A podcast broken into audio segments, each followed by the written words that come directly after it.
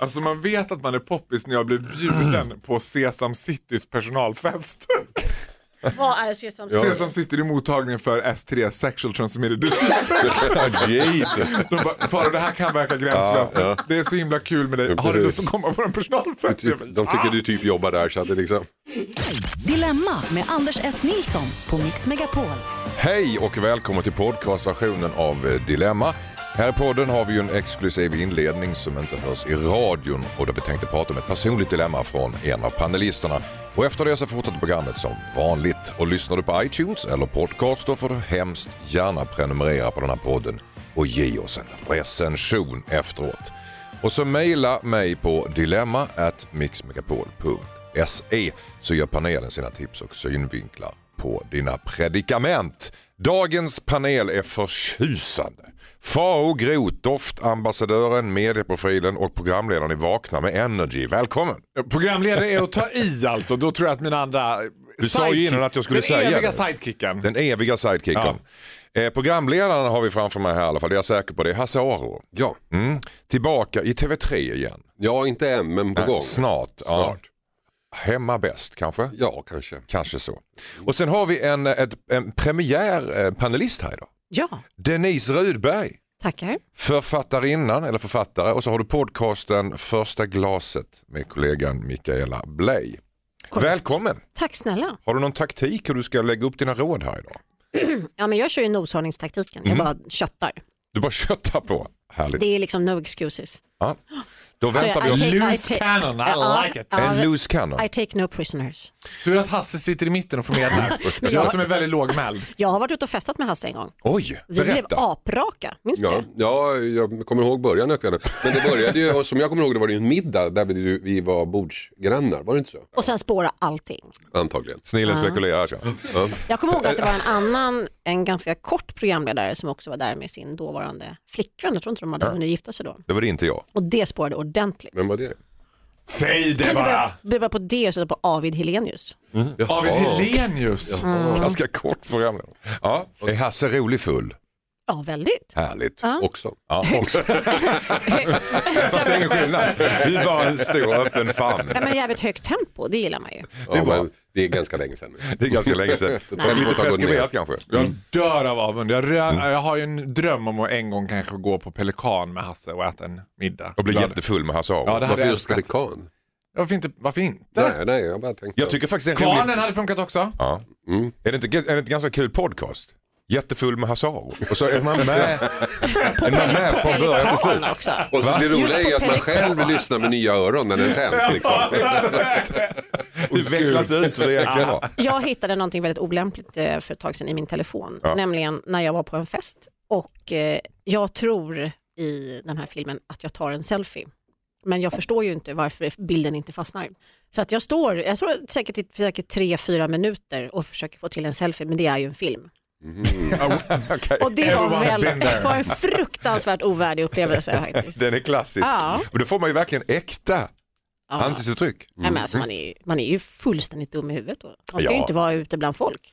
Och man ska framförallt inte hålla på med, med, med saker kopplade till nätet. Nej, när man är berusad. När man är berusad ska man man ska inte sitta hemma själv. Och Ja, det ska man göra. Ja, Precis. precis. Eller på någon pub utomlands.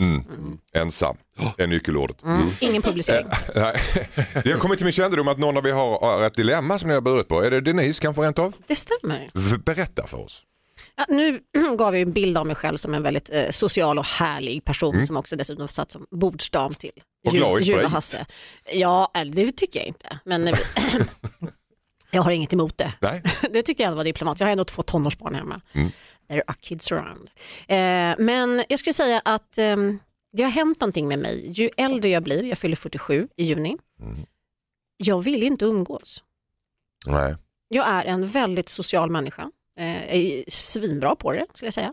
Men jag tycker inte om att umgås längre. Jag vill inte träffa människor. Oavsett vilken härlig fest och tillställning jag blir bjuden på så är det så här, hur ska jag ta mig ur det? Så ditt, Så att jag- pro- ditt problem är att du känner att det inte är accepterat av andra att du vill vara själv. Men för dig själv är det skönt. Ja, fast jag förstår ju någonstans att jag behöver hänga i det där liksom, umgänget till viss jag kan ju inte, jag kan ju inte bli en hel, hel eh, gjuten eremit än. Jag tänker att det kan bli det när jag är 85 kanske, men än så länge lite tidigt. Det är taskigt mot resten av familjen. Liksom. Okej, hur ska Denise göra för att bli mer social? Hon dras ju till ensamheten. Som en magnet. ja. Eller, eller framförallt så ska jag säga mitt eh, faktiska, om jag vill ha ett väldigt praktiskt dilemma här i, Mm. hjälp mig med ursäkter. jag vill ha konkreta förslag Konkreta på, för jag. I'm running out of excuses. Det är Nej, det. jag har redan dragit den där med liksom, en sjuk faster Mm. och ja, ni vet, jag har liksom dragit alla ursäkter för att slippa gå. Men måste man dra ursäkter då? Jag tänker att du bara skulle vara totalt uh, sådär noshörningsstrateg som du sa att du var. Att du bara, så här är det, jag har fyllt 47 och jag har tröttnat på att umgås med folk. Att du säger det när du blir bjuden. Och säger du det typ åtta gånger sen blir du aldrig mer bjuden. Nej, Nej jag vet, det här är inte det. Denise, hon har tröttnat på med Ja. folk. Så att vi... Speciellt om du fräser åt dem. ja. Men, ja. Jag är 47. Jag vill vara själv. Ja, men Men det, jag tycker inte att det är något man ska kämpa emot. Jag tycker man ska embracea det snarare. Att, så här, vet att jag är liksom i en period nu när jag känner att jag behöver vara själv eller jag behöver vara Tack så hemskt mycket. Sen är det så här, vissa saker, kanske bröllop och sånt är man ju tvungen. Men är det liksom middagar och... men bröllop är typ mitt värsta. Ja, jag vet. Måste Det är jag alla, dem? bröllop är genomvidrigt för alla. det finns ett värde, dop. Ja men dop kan man stå över. Det kan man definitivt stå över. men Eller hur hur? ska du Ja. göra då? Hur ska du göra när du fyller 50? Har du tänkt? Ja, men det är också så här, när jag väl har en egen, då kan jag ju styra det helt själv och jag behöver verkligen inte bjuda människor som jag inte känner för. För det är väl oftast det, att jag tvingas liksom hänga med människor som jag, jag har inget intresse av. Alltså ibland är När du säger tvingas, vad menar du då? ja, men jag st- står och pratar och då måste man ju vara artig. Alltså det här är ju en artighetsövning. Klart, jag ingår ju i ett samhälle. Alltså det är ju människor omkring mig. Det är klart att jag, jag behöver ju hantera det. Men många gånger när jag står på en fest och pratar med någon eh, så är jag så uttråkad så att jag, alltså jag, fan, jag måste sova nu. Men vet du vad? Nej, men jag är ju, Så he- pass. jag är ju hemsk. alone. så där känner alla. Bara, och, du vet varenda fest, när man sitter i taxivägfesten och man tar det andetaget när man bara Faro, på med bjällerhatten, röd näsa, för stora skor, nu är det showtime. Ja. Jag tror alla känner ett viss ansats till det, men känner du så här, nej det blir heller inte trevligt när jag väl är där. Du kanske ska liksom vårstäda bland dina vänner då? Skaffa, helt nya, skaffa en helt ny, helt oväntad hobby. Som det här är det, va? Konståkning typ. Jag har precis börjat med konståkning. Som skrämmer bort folk menar du? Ja, och de är dessutom oftast gravt autistiska de som håller på med konståkning så de vill inte Sådär. umgås. Det är ju fantastiskt. Ge mig numret. Nej, vi börjar ihop. Vi kan ju så här Men jag har redan börjat, så att jag är Ja, a du bit of a skitbra. pro now. Ja, jag förstår. Men det var faktiskt jättehärligt för mig, för jag var i lite samma situation. Det var underbart att få ett sammanhang som var helt oberoende av alla andra mina vänner och som jag kunde skylla på. Nej, men jag är med mina konståkningskompisar nu. Jag var ju aldrig med dem, men alltså man kunde säga det. Du kunde säga det. För de visste, ju- ingen visste vilka de var. För de bara, jag far med sina konståkningskompisar. Skaffa en avskräckande hobby helt enkelt. Eh, Hasse, hade du något konkret exempel på vad hon ska skrämma bort folk eller ska hon vara rak och säga jag vill vara Nej, själv? men, eh, alltså, jag, eh, alltså, eh, jag tror att det är lite så här om man ska vara lite eh, mörk i synen, det är lite självdestruktivt. Ja, Ja, men det är det. lite grann som, jag menar, om du inte vill vara med någon och så säger du nej och så där, till slut så är du inte med någon och då kanske du vill vara med någon och då har du ingen att vara med. Mm. Det känns ju lite sådär, man kan inte säga nej jämt. Du kanske ska ta en extra drink innan du åker helt enkelt. Sprit är lösningen. jättebra det, det är förslag. inte första gången vi har Helt enkelt, jag ska börja åka konståkning och dricka drinkar. Ja. Det Sen liksom- kan, kan ju också vara så att så länge man blir tillfrågad av en massa fester, och det är rätt lyxigt att här kunna Ja, säga men- nej, vill själv. men tänk om ingen Nej, någonsin precis. Frågar, slutar. Visst är det så. Då blir man ensam på riktigt. Nej, men jag undrar om det har att göra med, för lite som du säger, alltså, det är det här jag menar, det är därför det är ett dilemma. För det är klart att det är en otrolig lyx att bli bjuden och ha, att kunna välja och vraka. Eh, men det kanske också är att det kommer med mitt jobb lite grann, att det är ganska många måsten som är sociala. Alltså det, det kanske, helt plötsligt känns det som att gå på fest är lite som att jobba för mig. Jag undrar om det har med det att göra. Men om du kommer säga till alla att du har börjat komma med konståkning kommer tidningarna skriva om det. Denise nya intresse, konståkningstrenden har börjat. Ja. Men med tanke på att det redan har blivit totalförnedrad i både På spåret och Let's Dance, då fattas det ju bara så här ski, ice, Men det Stars on Ice. Stjärnor Stars on på Ice. is fanns ju faktiskt. Ja, det var det jag menade. Det. det. är där jag borde göra din slutgiltiga förnedring då. Där blir jag också tillfrågad en tror jag gång. Det att- kan ju förstå hur illa det var det programmet. Och så, ja. Ja, jag blev också tillfrågad. Till stjärnor på is.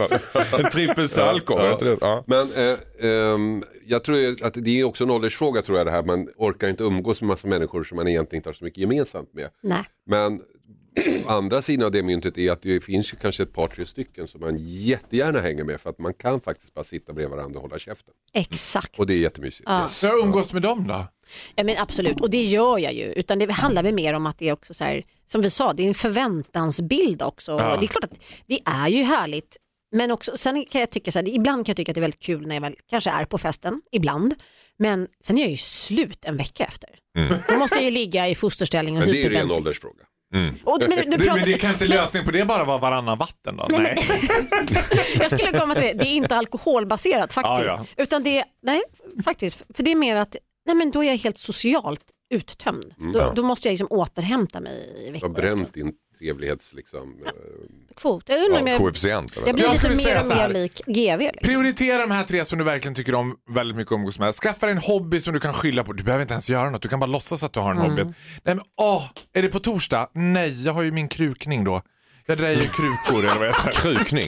Drejning menar du? Drejning. Drejning. Drejkursen. Jag, drejer, jag har min drejkurs då. Åh gud vad synd för jag hade jättegärna med och det är, det är en jätteviktig gång. En kri- vi ska göra faten nämligen. Det är en kritisk gång. Ja. De bara okej, jaha. Ja, du hör ju själv att det är mycket du ska komma ihåg om du ska följa farors råd. Men jag kan bara säga att du är inte ensam. Är det någonstans vid 45 så känner man att man, man blir trött på folk helt enkelt. Ja. Ja, så är det. Eller hur Hasse? Ja, absolut. Ja, absolut. Det kommer det. Ja. Eh, Vi önskar att vi var själva och gjorde programmet. Nej, men det var, jag ska komma till. Jag, när jag sa det här så kändes ni helt väldigt avslappnade. Så det är inte ens ett problem. Nej, nej. Nej, Det, det var det var en naturlig känna. del av livet. Ja. Ja. Det är synd om människorna. Ja, det är synd om människorna. Eh, Det känns som att du har fått lite grann råd i alla fall. Ja. Dennis, eh, tack så mycket eh, panelen och nu fortsätter programmet som vanligt. Spännande. Hejsan Dilemmapanelen, jag heter Peter. Jag har en flickvän sedan några månader tillbaka. Vi är båda 20 år och jag är superkär. Hon sa att hon var religiös när vi började träffas men först nu har jag förstått att hon är med i en frikyrka där de bland annat talar i tungor, uppfostrar sina barn i religionen och åker till fattiga länder och frälser folk. Det krockar med min människosyn. Hon accepterar att jag inte vill vara en del av hennes religion men jag känner att hennes religion börjar överskugga den fantastiska bild jag har haft av henne. Kan jag få det här att fungera ändå? Tror ni? Undrar Peter. Vad säger far Groth? Absolut. Han låter lite gnällig, låter som att hon går mycket på möten. Det är mycket liksom, han verkar tycka att religionen tar mer tid än att den liksom Han, påverkar. lite, han verkar bli lite skrämd av den känns det som. Ja, men då Hon talar i man bara- och ska frälsa folk i andra länder. Jag tycker det låter så härligt. Alltså han kan väl vara med på någon vänster. Alltså han, han kan följa med någon gång och bara jag, vill bara, jag ska bara med och kika. Jag älskar dig och jag vill försöka förstå. Jag kommer säkert inte hålla med om det, men jag vill försöka förstå. För jag vill ju förstå dig, jag älskar ju dig. Men det här med att vara ihop med någon som man inte, vars människosyn man inte delar. Vad säger Dennis Rudberg om det här? Nej, men alltså, jag är helt i motsatt riktning. Spring för livet. Spring för livet Peter, tycker Dennis. Ja. Varför då? Nej, men av den anledningen, jag är faktiskt eh, uppvuxen i en frikyrklig sfär. Mm, det gör jag också. Ja, Missionsförbundet kallas det här, Mm. eh, uppe i Roslagen. Eh, och för mig var det enbart en enda stor gegga av eh, hypocrites. Mm. Alltså det verkligen, eh, och jag är nog väldigt ateistiskt inriktad. Men jag känner ett obehag inför religioner som sköts på det sättet. Det är, Mm. liksom, det är ju väldigt sektliknande för mig med religioner när det blir så fanatiskt. Kan bli väldigt manipulativ. Framförallt av Manipulativt. unga människor. Exakt, Mm. och jag ser, liksom inte, jag ser inte det goda i det. Det finns inget gott i den typen av religion för mig oavsett vad den står för. Eh, och om man har en sån stark koppling till det så kan jag bara se, jag kan bara se problem den dagen man har gemensamma barn. Mm. Alltså, Spring för livet helt enkelt tycker du? ja, Peter ska. långt åt helsike åt andra hållet. Låt åt helsike är verkligen åt andra hållet. vad säger, vad säger Hasse? Ja, men jag tycker att han verkar lite inskränkt. Ja. Ja, men han säger att det strider mot hans människosyn.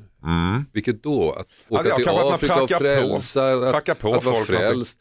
Men om man är med i en kyrka, det strider mot hans människosyn att hon går, går i kyrkan. Alltså. Då tycker Mm. jag hans människosyn är väldigt inskränkt. ja men Hasse det kan ju vara så här att han tycker inte det är rätt att man hjärntvättar barn till exempel. Uppfostrar dem att de Men, men ska det vet du inte, nu lägger vi orden i mun på honom. Ja, Vi nu tycker jag det var din tolkning. Det stod, ja, jag, jag kan ordet det, hjärntvätta kommer inte jag ihåg. Och det finns massor med människor som finner oerhörd glädje och tröst i religionen. Ja. Så att liksom, jag tycker att han verkar så här, hon är religiös, och så får han panik och det är mot hans människosyn. Vad är det för människosyn? Ja, de gillar inte att, de, att, han upp, att man uppfostrar barn i religionens namn. Det är väl det han inte tycker Men det var om, inte det, exempel. var inte det de pratade om. Han, åker till Afrika och frälser folk. Ja, och uppfostrar sina barn i religionen. Det gör de även i den här kyrkan. Och det gillar inte han. Nu ska vi inte diskutera själva religionen men jag tycker Nej. att hans motivering var en var aning inskränkt här. Han, han, han, det strider mot hans människosyn. Jag menar om, om det hade varit så att de hade till exempel eh, eh, de hade till exempel fördömt homosexualitet. Ja då kan jag tycka att då Det är strider ganska många mot som gör det i den här världen också, kan jag Då strider det mot hans människosyn men nu är allt strider mot hans människosyn. kanske är Då har han lite- väldigt, väldigt smal människosyn. Ja, men det, han. men, men, jag, jag skulle också vilja säga så här att det är viktigt sådana här gånger att inte skilja på sak och person. För det är väldigt viktigt. att Man, gör, alltså man tror ju så att hon är inte en del, jag älskar henne, men jag gillar inte den här religionen som hon är på. Men det är ju hon. Alltså det man faller för, jag är inte, jag är inte religiös men jag är väldigt troende, så skulle jag säga. Och jag älskar ju, om man träffar folk som är i en total trosuppfattning eller religiösa så har ju de en extremt liksom, smittsam personlighet oftast. De är väldigt över, har man en övertygelse om någonting, det är ju det han har fallit för säkert. Skalar han bort det då kanske hon bara Nej, det där, jag tycker jag håller med Hasse. Han verkar lite sån här människosyn. Häng med på ett möte, skriv på vet jag! Han behöver väl inte vara inne i hennes värld heller. Alltså, han kan väl bara, han kan Alltså, bara nöja sig med att vara med henne. Ja, men som jag brukar säga till min ateistvän Micke när jag ska provocera honom väldigt mycket. Och, och det funkar verkligen. Då tittar jag honom i ögonen och säger Micke, Gud har en plan för dig också. Du vet vad du ska, du vet vad du ska trycka Så då säger jag det till, du kommer inte ihåg vad brevskrivaren heter. Han heter Peter. Peter, Gud har en plan för dig också. Okej. Och du kommer bli varse om den snart Peter. Spring, Spring för livet Peter. spring för livet Ja. Peter tycker eh, Denise. Tack så mycket. Hejsan Dilemmapanelen, jag heter Sabira. Jag har flera förhållanden bakom mig. En som är återkommande är att jag och killen tillbringar all tid med varandra och sedan dör kärleken. Därför har jag bestämt mig för att ta det lugnt med min nuvarande kille. Jag vill att vi begränsar vår tid så att vi ses tre gånger i veckan. Jag vill vara med honom mer men måste testa att ta det försiktigt. När jag la fram det här för honom så tog han det inte så bra. Han säger att mina förhållanden dog på grund av att det inte var rätt helt enkelt. Ska jag hoppas på att det blir annorlunda den här gången eller ska jag stå på mig? Undrar Sabira. Hängde ni med där? Ja. Vad säger Fagerud? Nej, jag tycker det här låter helt fruktansvärt. Alltså, jag tror inte på bantning, jag tror inte på, jag tror inte på att begränsas överhuvudtaget. Säg ja till livet, säg ja till varandra, säg ja. Det är exakt samma grej som att bara, ja nej, men nu har jag tänkt att jag ska inte smsa på tre dagar. Ska, sen ska jag smsa så han känner lite. Hon är, gillar honom, han gillar henne, hon vill vara med honom, han vill vara med henne. Enjoy. Okej. Vad säger Hasse? Alltså, jag tror att det är en väldigt dålig inledning på ett förhållande att göra ett schema. Jag tror faktiskt att det är väldigt, jag kan förstå att han reagerar lite grann sådär. Så jag tror nog att eh, det är väl lite... Men hon vill inte göra samma misstag igen. Kan man förstå det är hur hon inte, tänker? om det är en, en hälsosam relation och man verkligen bottnar i kärlek så kommer man ju så småningom att återta sina personliga delar av livet och umgås med sina kompisar sådär igen. Det kommer ju tillbaka tror Mm. jag. Och pajare så är det väl inte för att man har umgåtts för mycket med varandra utan att man inte klarade att umgås så mycket med varandra för man var inte rätt för varandra. Jag har varit i relationer där det har varit väldigt mycket pang på när jag var yngre. De har alltid tagit en ända med förskräckelse. Och jag tycker inte att det handlar om att hon ska ha, sätta upp ett schema för honom. Hon vill bara värna lite mer om sin integritet. För jag är övertygad om att man inte alltid måste tokbekräfta varandra så i början. Jag tycker han verkar sjukt oskön. Alltså vad fan, hon kan väl bara... Oskön? Jo, oskön. Definiera Jo, oskön. För att det, Han vill gärna vara med henne men då kan han också respektera att hon behöver sin tid för reflektion och bara tar lite chill. Jo men vänta. annars är Det det så här- en sjukt osäker snubbe som faktiskt inte kan hantera att en tjej behöver sin egen tid. Du vet om när man skiljer sig så har man barnet varannan vecka och så byter man på fredagar. Det här känns ju som de gör så med förhållandet redan från början. Alltså, Ja, och det är det jag vi, vi har förespråkar. kärleken eh, tre Ja. dagar i veckan och sen har vi inte den. känns lite fyrkantigt. Okej, men du tycker det är bra Ja, för man behöver inte rusa in. Nej. Alltså, en riktigt skön relation, den står ju pall för det första tiden också. Varför, man behöver inte bara tok vara. Men ska man kämpa emot sina egna också. känslor Ja, lite Alltså? bara så här, men fan jag reflekterar lite, ta det lugnt, jag går och tränar själv istället, vi kan ses. Det kommer Fast ändå man bli vill träffa honom så ska man ändå hålla bara igen. Ta, ja, lite grann. Bara, ta, bara också för att vä- värna om sig själv Mm. och vara lite försiktig. För att man kan bli väldigt så här, uppe i allting och då kanske man inte alltid ser signaler, vilket sen att ändå gör att det tar slut såklart. Tänk lite med skallen helt enkelt, det är det du försöker säga. Inte men bara lite. liksom, passionerat med Tänk hjärtat, lite mer gammal så här, traditionell brevväxling, man fick längta och trängta. Det fick gå ett halvår innan man liksom kunde se. Nej men lite, Nej, lite sans liksom. Ja, jag tycker det låter Nej. totalt vansinnigt. Alltså tid är pengar, tid är knapp. Njut, det kanske varar resten av livet, det kanske varar två veckor. Om det varar två veckor, då hinner de se sammanlagt sex gånger. Det är inte så jävla kul. Alltså, Tvinga dig själv att ta det lite lugnt, följ inte bara hjärtat utan följ hjärnan också.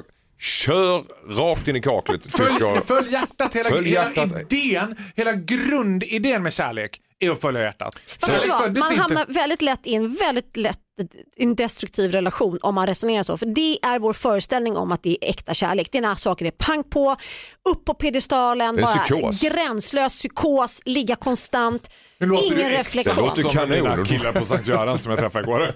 Menar du Sankt Görans sjukhus? Ja. Ah, okej. ja. Mina terapeuter, de säger exakt samma sak. Jaha, jag trodde det var grymt sexliv på Jag Sankt tror det är på Göran. hud och ven på Sankt Göran. Det är på Ah, ja. Södersjukhuset, Hasse, det borde du ha koll på. Okej. Eh, ta Nåja. lite piano tycker Denise. Eh, kör så det ryker. Var inte så fyrkantig. Skit i scheman tycker Hasse. Tack så mycket. Hejsan Dilemma-panelen, jag heter Johanna. Jag har en fantastisk frisör och jag vill verkligen inte byta. Hon kan mitt hår utan och innan och är superduktig. Problemet är att hon pratar. Mycket, hela tiden. Hon maler konstant.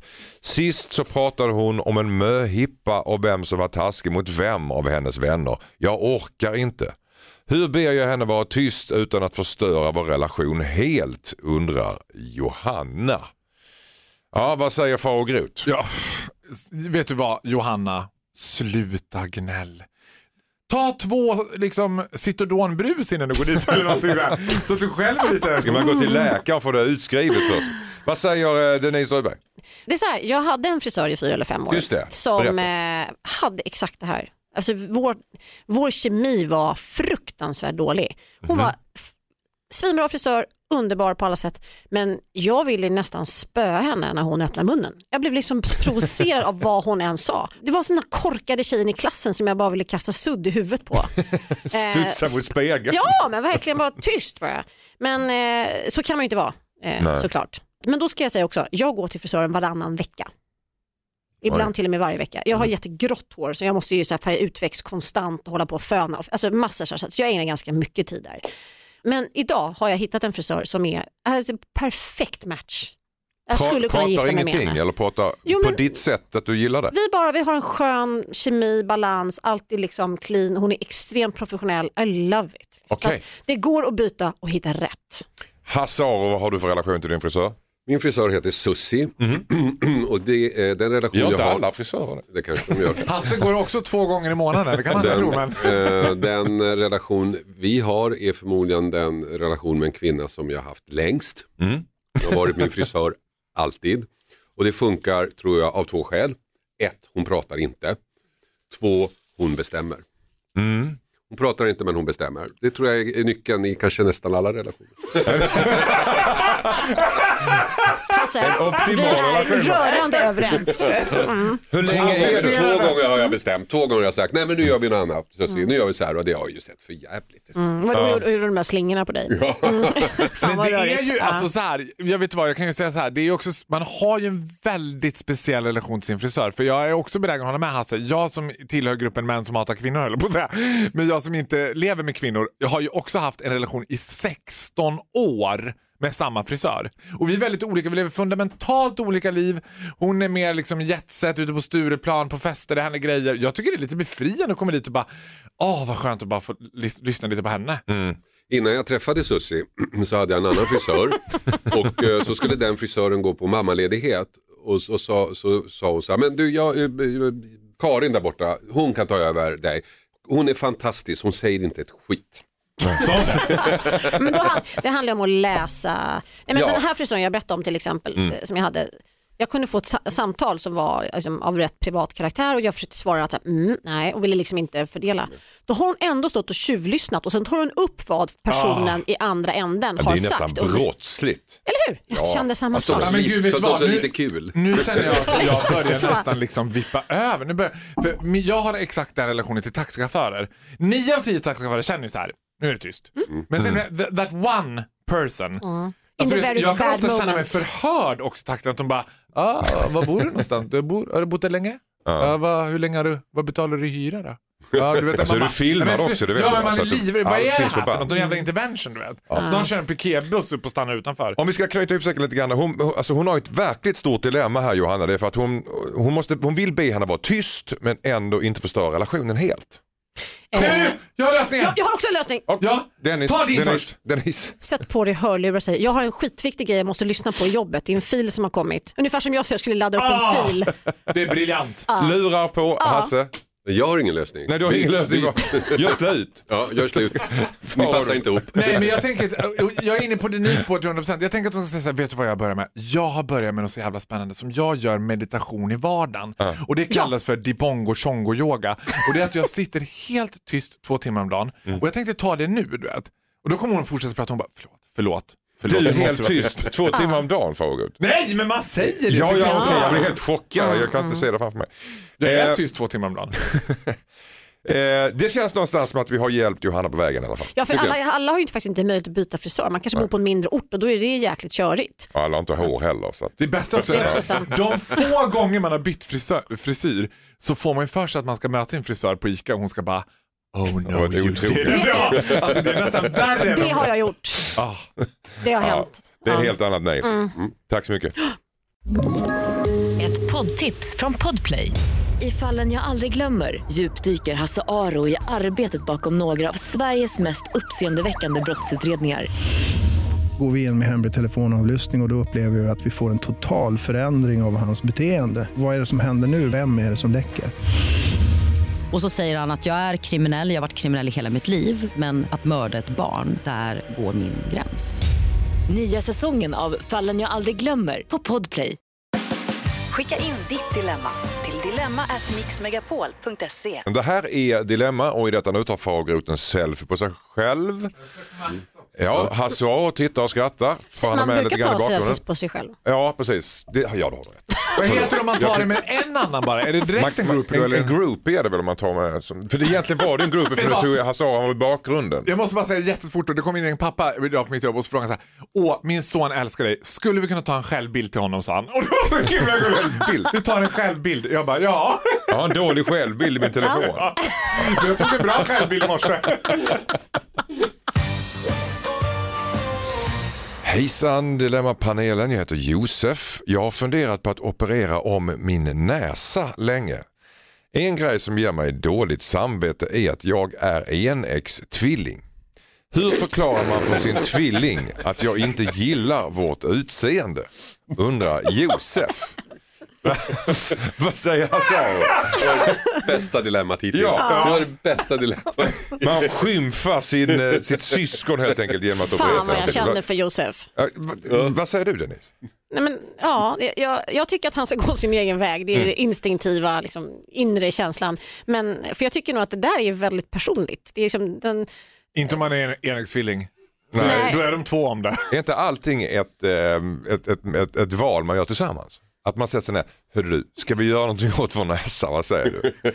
Och sen kommer man överens om det. Eller Mm. kan den ena eller liksom vara otrogen och gå och fixa lite grann sedan om? Det blir ju en förolämpning mot den andra för det är Ja, samma ja. DNA-uppsättning. Ja, fast andra sidan, liksom, jag menar det låter ju först som han, ja, vi förstår honom, så här, men säg att de bara var syskon, att de, men hade samma näsa. Skulle det då vara ett problem? Nej, då skulle den ena kunna operera om näsan. Han är inte nöjd med sin näsa, då kan han väl operera om den. Framförallt om de hade samma näsa, om de hade likadana Ja, men jag näsor. vill likadana. Men, jag menar, Författarna har märkt ordet, jag är ledsen, jag var tvungen bara. ja, men nu, nu tycker han att det är liksom en förolämpning mot hela deras utseende. Men, men brorsan kanske är nöjd med sin näsa. Han kanske tycker att, liksom, jag menar, utseende, snyggt och fult är ju en smaksak. Ja. Jag, tr jag tror att du överskattar din brors reaktion. Jag tror, inte, och jag tror att man ska liksom närma sig det här väldigt odramatiskt. Du, fan, Jag ska bara göra det helt På enkelt. tisdag ska jag operera näsan förresten. Hade vi, skulle vi spela band efteråt eller var det du vet, sådär? Man bara va? Ja, jag ska bara, det är en liten grej på akademikliniken, bara knacka till lite. Ja, fast det är, ingen, det är inte något man gör varje dag. Jag bara opererar, opererar Nej men det är så han ska bemöta det. Han ska inte, så, han ska Nej. inte göra något så här. Jag kan bara dyka upp med en ny näsa. Nej men det kommer vara svårt med enäggstvillingar. De känner väl, de känner väl varandra smärta typ. Men jag förstår att han tycker att det är, det är väldigt fint av honom. Han är ju en fin bror.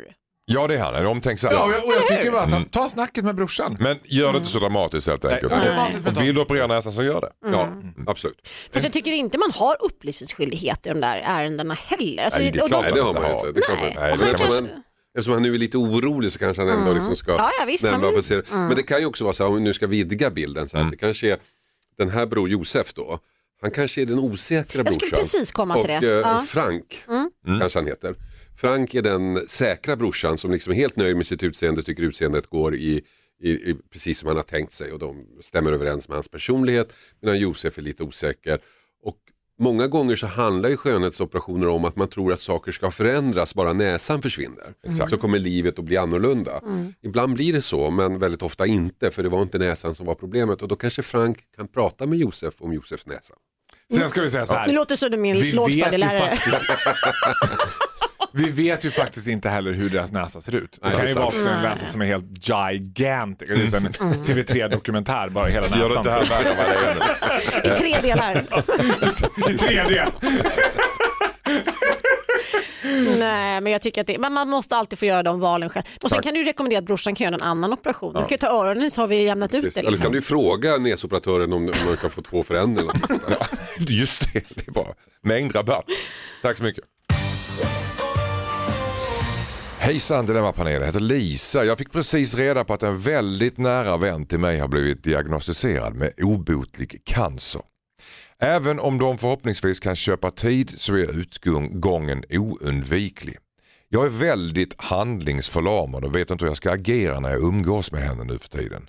Jag vill inte påminna henne om ödet genom att gråta och kramas. Samtidigt vill jag inte vara helt känslokall och likgiltig genom att låtsas att allt är bra.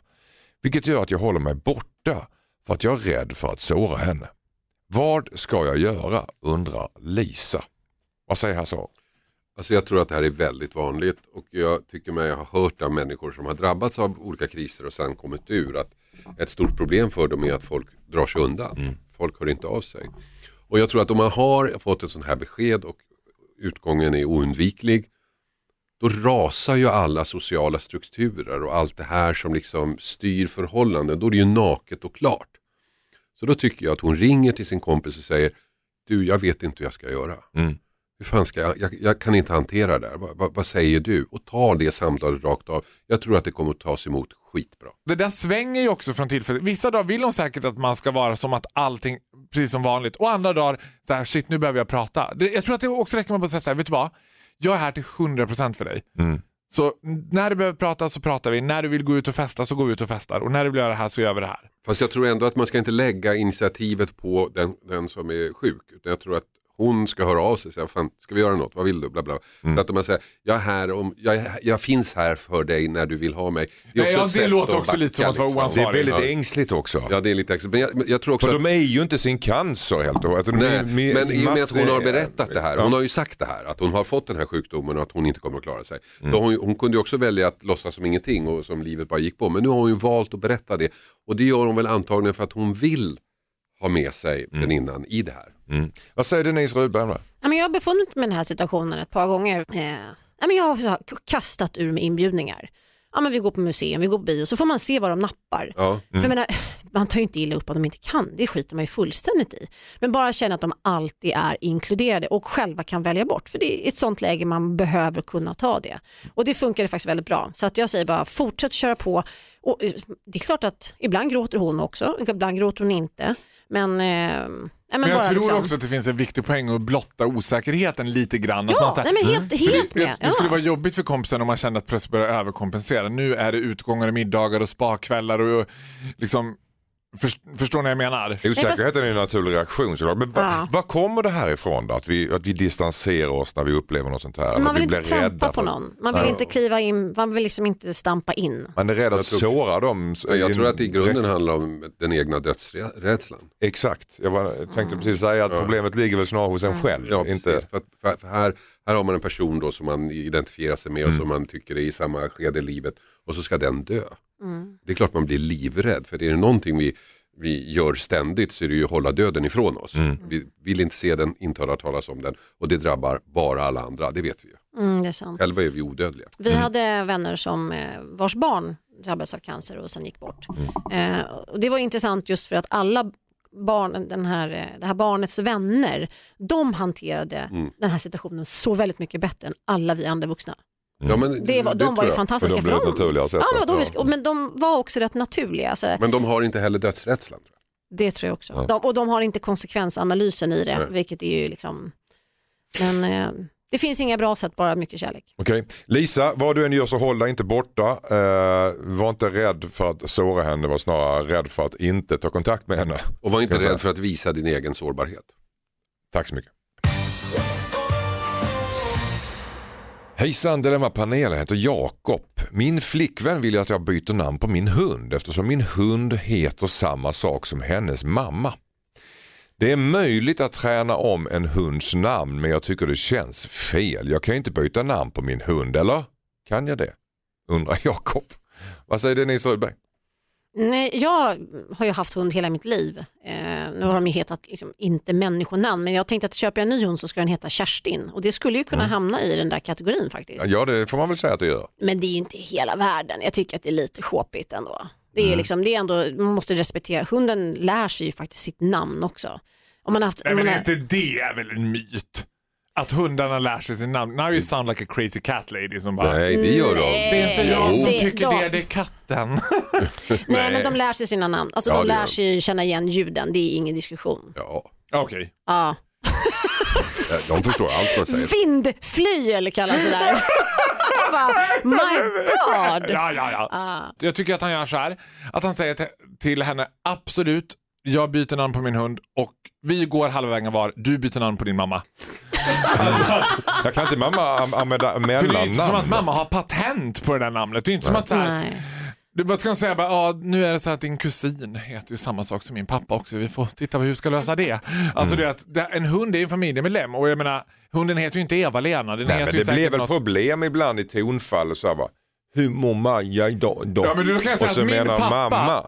min pappa, han, vi har en hund som är en ha, de har en hund som är en hanhund som heter Dexter och Mm. han säger ändå alltid fel när han är arg på hunden. Då säger min systers namn till hunden. Bara, Sandra! som att han har liksom så här suppressed, han måste ta ut det här med Sandra. Det kan ju vara perfekt att få ta ut över svärmor. Jag. Ja, det låter- Gunilla! Jag var till hunden. Exakt, jag kände också det. Ja, det är perfekt egentligen. Som Ja, men jag tycker att det är verktyg. löjligt av hans partner. Alltså så här, då, ska han då får hon byta namn på mamman, då får hon gå halva vägen var. Han kan Mm. lika, hon kan lika gärna byta namn på mamman och ska på det där viset. Är ni överens här eller är det Jag har Farao inte ens fått säga något. Nej, Hasse jag, sitter jag och- satt just och tänkte, men ni satt och hummade här. Nej, men Nej, men jag tycker så här- Hasse? Nej, men jag är ju lite hundmänniska jag också. Jag har också haft hund nästan alltid. Och jag har ju alltid ogillat den här trenden att ge hundar människonamn. Vad är det för fel på hundnamn? Ta ett hundnamn då, Kar och Fido. Är Ja, det Karo, Fido, Sluggo. Men vad är dina Eller- hundar hetat? Bamse? Nej, Alltså, den, senaste, ja, den senaste hette ju Edith. Då. Busted! Det var min Men fru det är som, alltså, till mitt försvar vill jag säga att min fru köpte den i smyg. Och bara presenterade hund med namn och allt. Och då kan jag säga att namnet var kanske inte Nu det jag reagerade Nu mest tycker jag på. vi tar ansvar. Ja, men hur som helst. Men nu har han gjort det, då tycker jag han byter namn på hunden. Det kan ju också Du vara tycker så. att den ska byta namn på Ja, det hunden tycker jag. för, för flickvännens mamma? Vi vet ju inte vad mamman heter. Tänk om Nej, mamman det är också- vill man heter också Fido veta. eller Ja, nej, Dolly? Ja, Dolly, Maja, det är ju hundnamn och allt det där. Nej men alltså min dotter heter ju Lopsan. Är hon Ja, då får- döpt till Lopsan? Då får ju du skylla dig själv om någon, Det är ju någon ett hund. kattnamn. Ja, men, här, Denise Jag Rudberg. hatar katter. Alltså, Ja, men det är över- Lopsan är ju ett katt. Du tar det väldigt lugnt när du säger Ja. om katter. Been Alltså, nej, men jag är så här- t-shirt. jag är så- Är din dotter döpt till Lopsan? Det är det jag vill veta. Eh, nej det är hon faktiskt inte, men hon eh, vill, vi ska faktiskt skriva in det i skattemyndighetens papper. För Vad heter hon egentligen? Lovisa. Lovisa så blir det Lopsan. Ja. Mm. Ja, inte- Självklart. Nej, jag tycker det här är ju löjligt. Hon ska absolut inte... Upprörd där borta nu. Nej, jag bara drog slutsatsen. Jag tyckte att det var Jag inte hade en gammal självklart. kollega som heter Britt-Marie men kallas för Kikki. Det var också helt konstigt. Ja, du hör. Alltså. Men eh, hon ska absolut inte byta namn på hunden. Då får hon byta namn på mamman också i så fall. Jag heter Anders, kallas för Oskar när jag var liten. Det Men vi vet ju inte om mamman heter ett hundnamn. Det är så jag... Men det är ju lite lättare att byta namn på en hund än på en morsa. Vet du hur lätt byta jag. namn? Trust me, I'm a professional. namn. Hasaro säger byt namn på hunden, Byt namn på mamman. byt namn på mamman, Denise. Skaffa inte katt. Tack så mycket. Här är ett brev ifrån Cecilia. Hejsan Dilemmapanelen. Jag älskar min kille men fantiserar ofta om andra män. Min kille är inte så romantisk eller verbal. Vi har pratat om detta flera gånger och då ger han mig komplimanger ett kort tag men sen blir det som vanligt igen. När jag får komplimanger av andra killar kan jag inte sluta fantisera om att vara med dem istället. Mest för att pigga upp mig själv. Är min kille lat eller är jag för krävande? Undrar Cecilia. Vad säger Farao Groth? När man tycker att ens partner har en brist, då tänker man alltid att gräset är grönare på andra sidan. Och då kan man gå över dit Vi och... utgår från att det inte är det. Tänk om det är det. Nej, men Tänk om det gräset är det. grönare på andra nej, nej, sidan. det, är alltid grönare på andra sidan. hela idén med fantasi Herregud, jag är 47, I should know. Hela idén med fantasi det är att få leva i den fiktiva världen när man vill. Och, så här, kunna välja till den fiktiva världen som en fantasi erbjuder. Mm. Det är ju för att stå ut med den hemska verkligheten. Eller liksom att, jag Men alltså, att- kan det, är det inte rimligt att den man är med kan ge lite komplimanger då och då? Eller att man måste ja, men han gör ju det. Han gör ju det Ja, ibland. men han gör det ett kort tag, lite pliktskyldigt. Det är väl så hon upplever det. Jag tycker faktiskt eh, komplimanger och bekräftelse i liksom, liksom, sunda proportioner är lite av en uppfostran. Och det kanske han måste lära sig. För jag har faktiskt, det säger jag ju till mina barn också, man måste säga så att det var en snygg tröja eller det var snyggt. Alltså det, det är faktiskt en ren och skär uppfostringsgrej.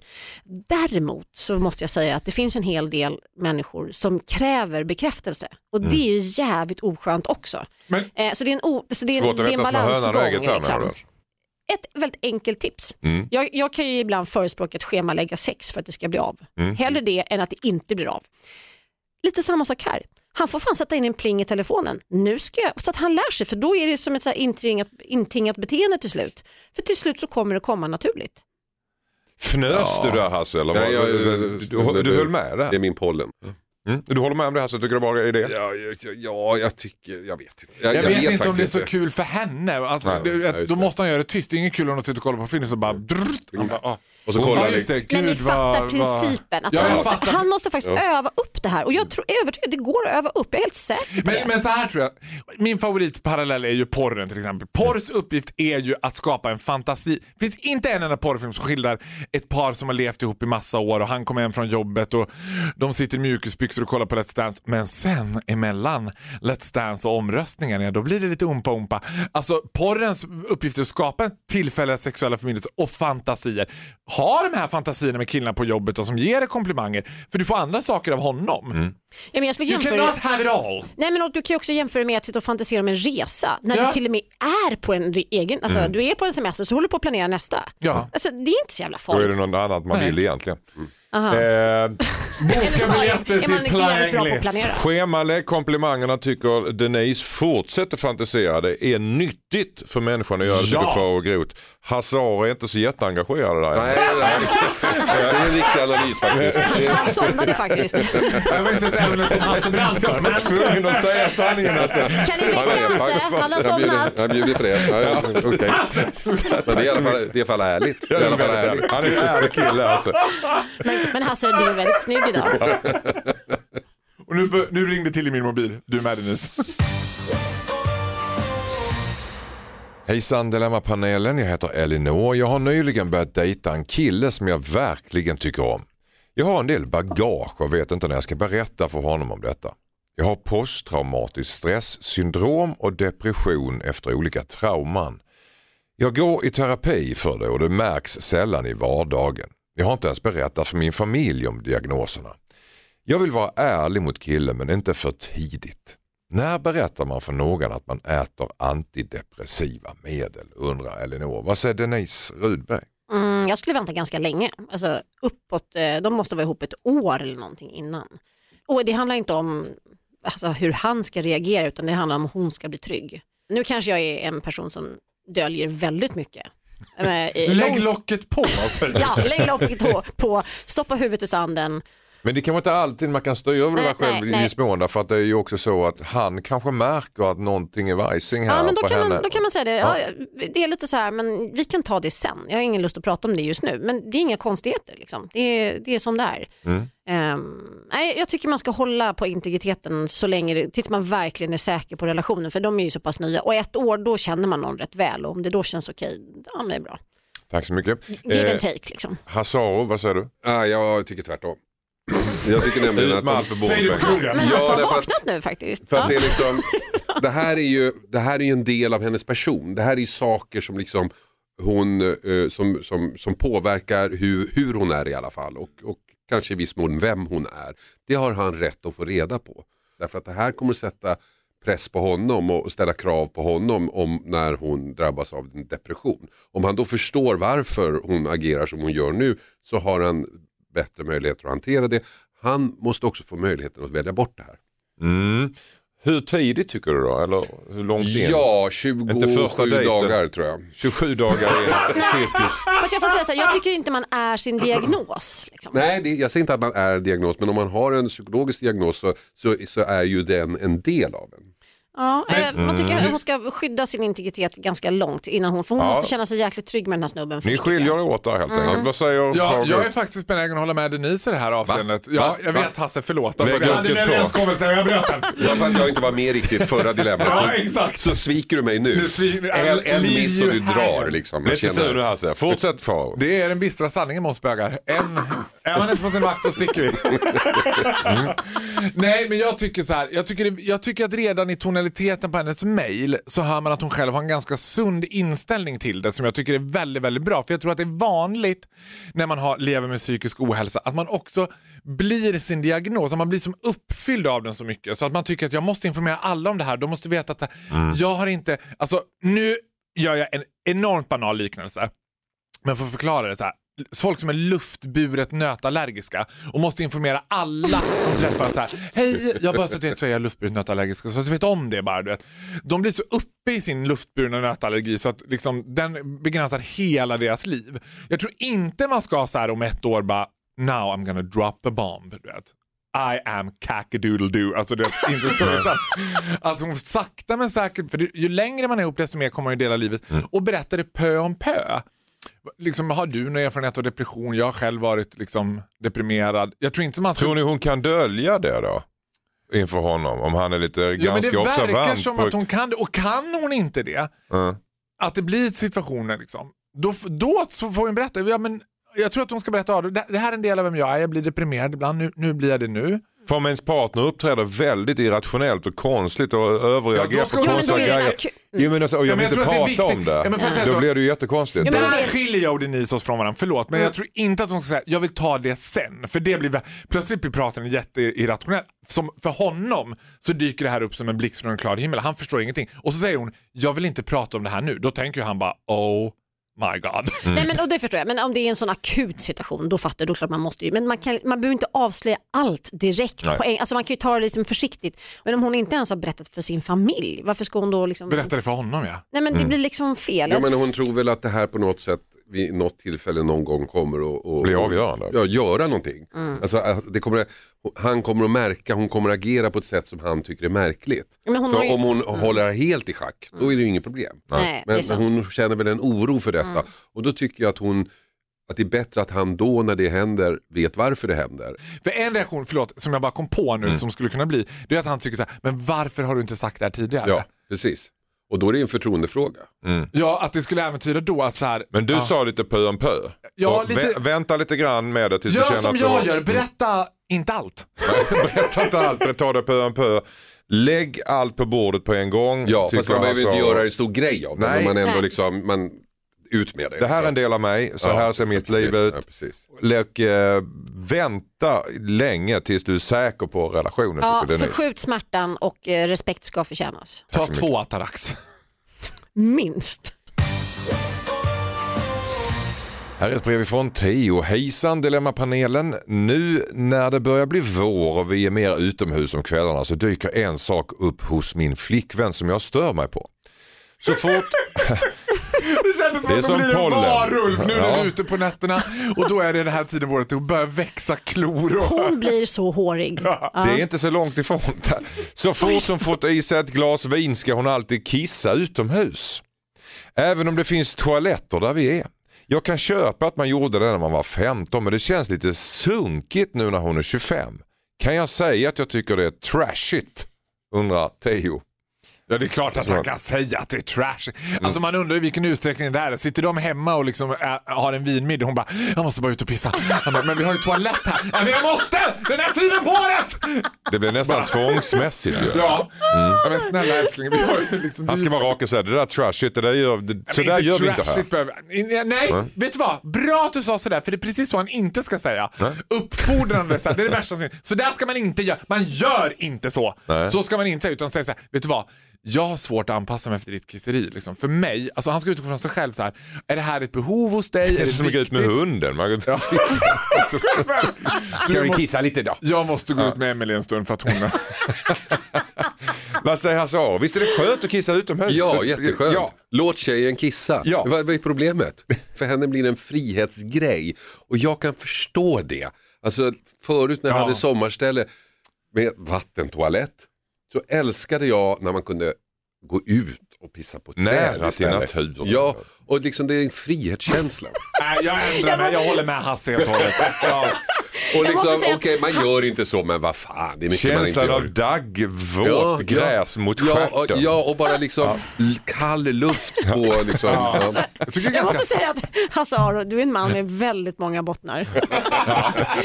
eh, Vad säger är Denise om det här då? sociopat. nej, jag tycker det är asäckligt.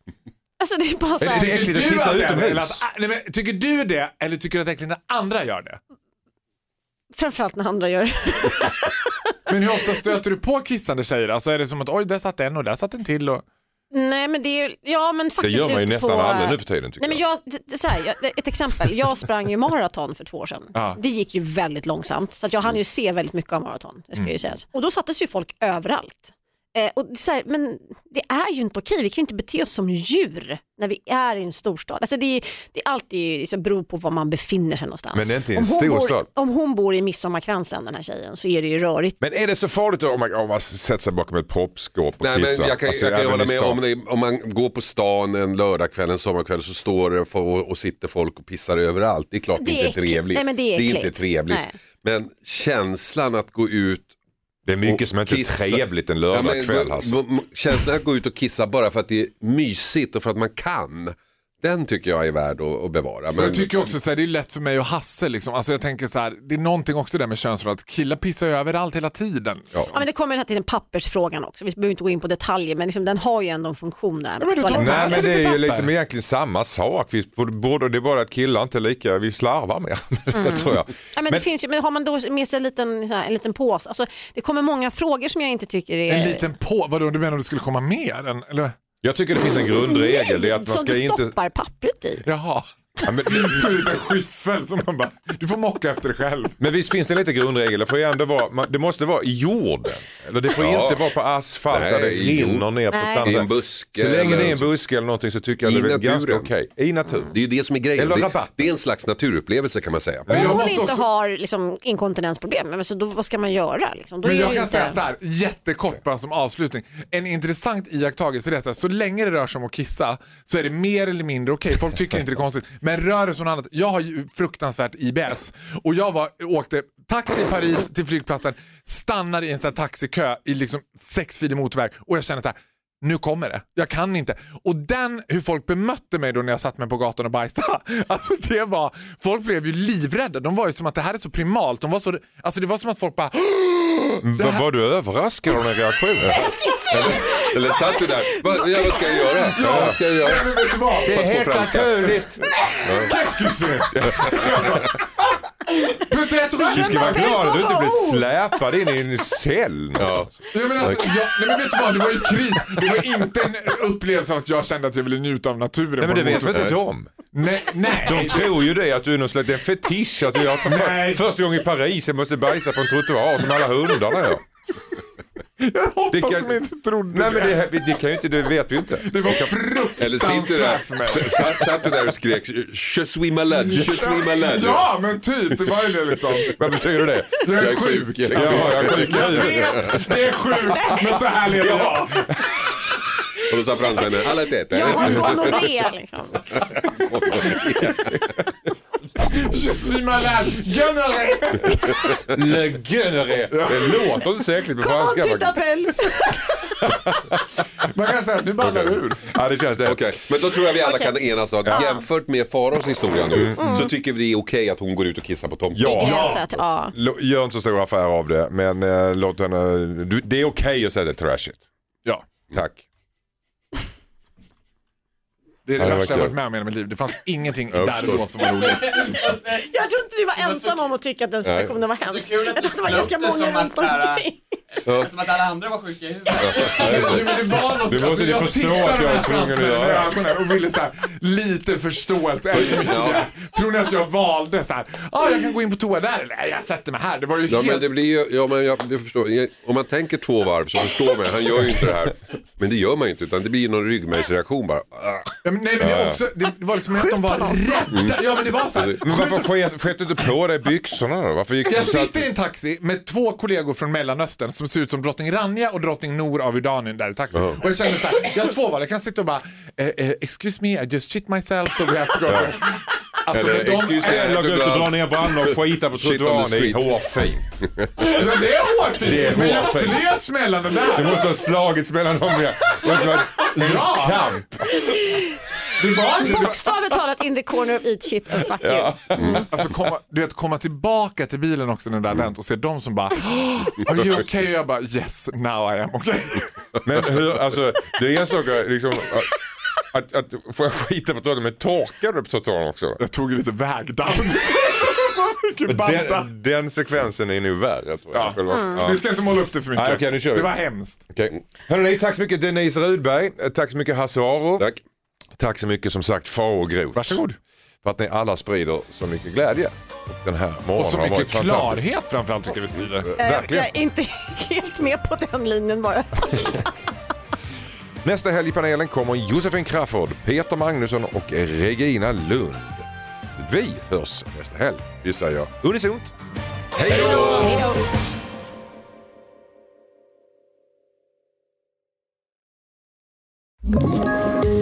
Poddtips från Podplay. I fallen jag aldrig glömmer djupdyker Hasse Aro i arbetet bakom några av Sveriges mest uppseendeväckande brottsutredningar. Går vi in med hemlig telefonavlyssning och, och då upplever vi att vi får en total förändring av hans beteende. Vad är det som händer nu? Vem är det som läcker? Och så säger han att jag är kriminell, jag har varit kriminell i hela mitt liv men att mörda ett barn, där går min gräns. Nya säsongen av Fallen jag aldrig glömmer på Podplay.